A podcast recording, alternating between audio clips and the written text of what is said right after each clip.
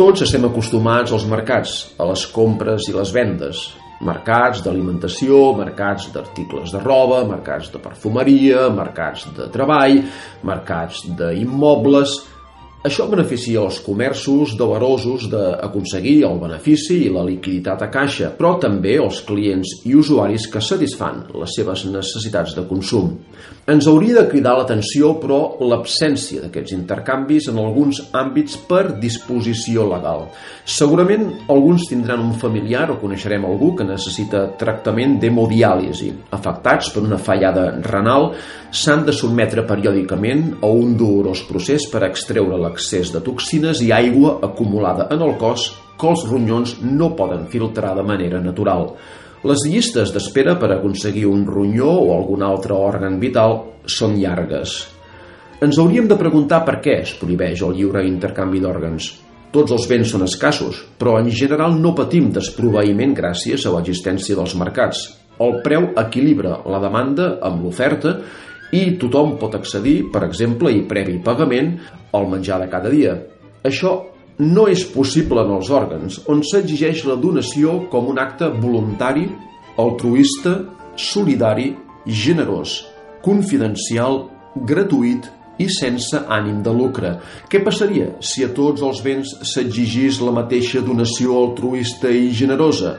Queda clar que l'escassetat de qualsevol producte bàsic esdevindria universal i que les llistes d'espera per aconseguir el pa de cada dia es generalitzarien. De fet, és molt més fàcil donar pa que donar un ronyó i molt més difícil, per tant, rebre un òrgan donat que no pas una barra de pa, que se'n pot produir amb facilitat. Així, per què posar més traves i obstacles a la recepció d'un ronyó i en general dels òrgans humans?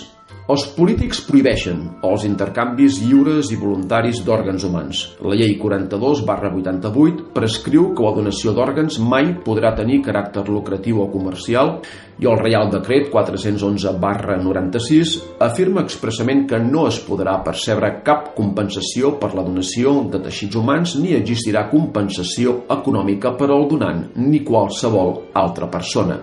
També en la donació de sang s'estableix que el lucre no ha de ser mai un motiu per a l'establiment d'un banc de sang i que no hi ha d'haver motius financers per a la prescripció d'una transfusió sanguínia. La prohibició expressa de l'intercanvi sempre comporta l'escassetat del bé interdit, i per pal·liar la manca d'òrgans humans, la llei rebla el clau de l'intervencionisme mitjançant el consentiment presumpte. És a dir, que per llei espanyola concretament la llei 30 barra 79 i Real Decret 1723 barra 2012, tots som donants si en vida no hem expressat el contrari. Amb les últimes dades de la Organizació Nacional de Trasplantes, l'òrgan més demanat és el ronyó. A Espanya, que arribem als 43 donants per milió de població, es van fer l'any passat 3.310 trasplantaments renals, 1.230 trasplantaments de fetge, 369 trasplantaments de pulmó, 321 de cor, 83 de pàncreas i 6 d'intestí. Malgrat aquesta activitat hospitalària, hi ha una manca superior als 4.300 ronyons i cada any moren més de 100 pacients en llista d'espera. En el marc de la Unió Europea, amb 21 donants per milió d'habitants, més de 90.000 persones esperen la donació d'un òrgan, mentre que els donants són només 10.500. Per tant, la manca de ronyons és de 80.000. I als Estats Units d'Amèrica, amb 28 donants per milió d'habitants, la situació és similar, amb més de 80.000 pacients en llista d'espera.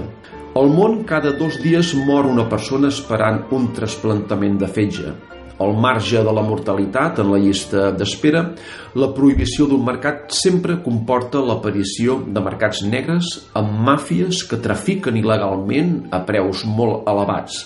Aproximadament en el mercat negre el cor es paga a 160.000 dòlars, el fetge i el pulmó a 150.000 dòlars, un pàncreas a 130.000 i un ronyó a 62.000 dòlars.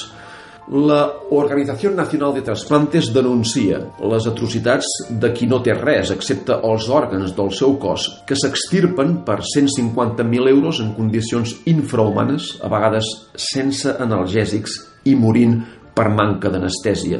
Els elevats preus del mercat negre incentiven les xarxes de delinqüència organitzada que en cas de permetre's l'intercanvi deixarien d'existir. També el preu de l'intercanvi es reduiria si existís un mercat controlat i les condicions d'extracció degudament també controlades per les autoritats sanitàries en un entorn clínic oferirien les màximes garanties. Amb l'increment dels trasplantaments es reduiria la llista d'espera. Una prova dels efectes benèfics de la legalització dels intercanvis ho trobem en els bancs d'esperma, a diferència dels òrgans, la compravenda de semen i òvuls sí està permesa. Els preus, respectivament, poden arribar a 50 i 1.000 euros.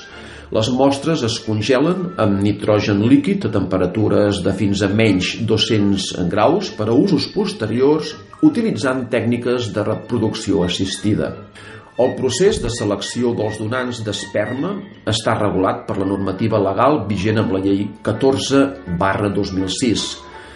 Els morts en llista d'espera d'òrgans contrasta vivament amb la gran quantitat de venedors d'esperma i de dones que han estat inseminades per diferents motius, ja sigui dones sense parella, dones en parella que no té espermatozoides o bé dones en parelles del mateix sexe. Per concloure, i comptat i debatut. L'existència d'un mercat elimina l'escassetat. És així de senzill.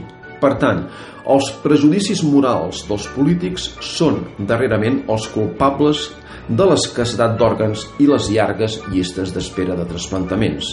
Els morts per insuficiència d'òrgans està injustificat i desapareixeria amb un mercat controlat, per tant, revisar aquesta absurda prohibició hauria de ser un imperatiu no només econòmic, sinó també moral.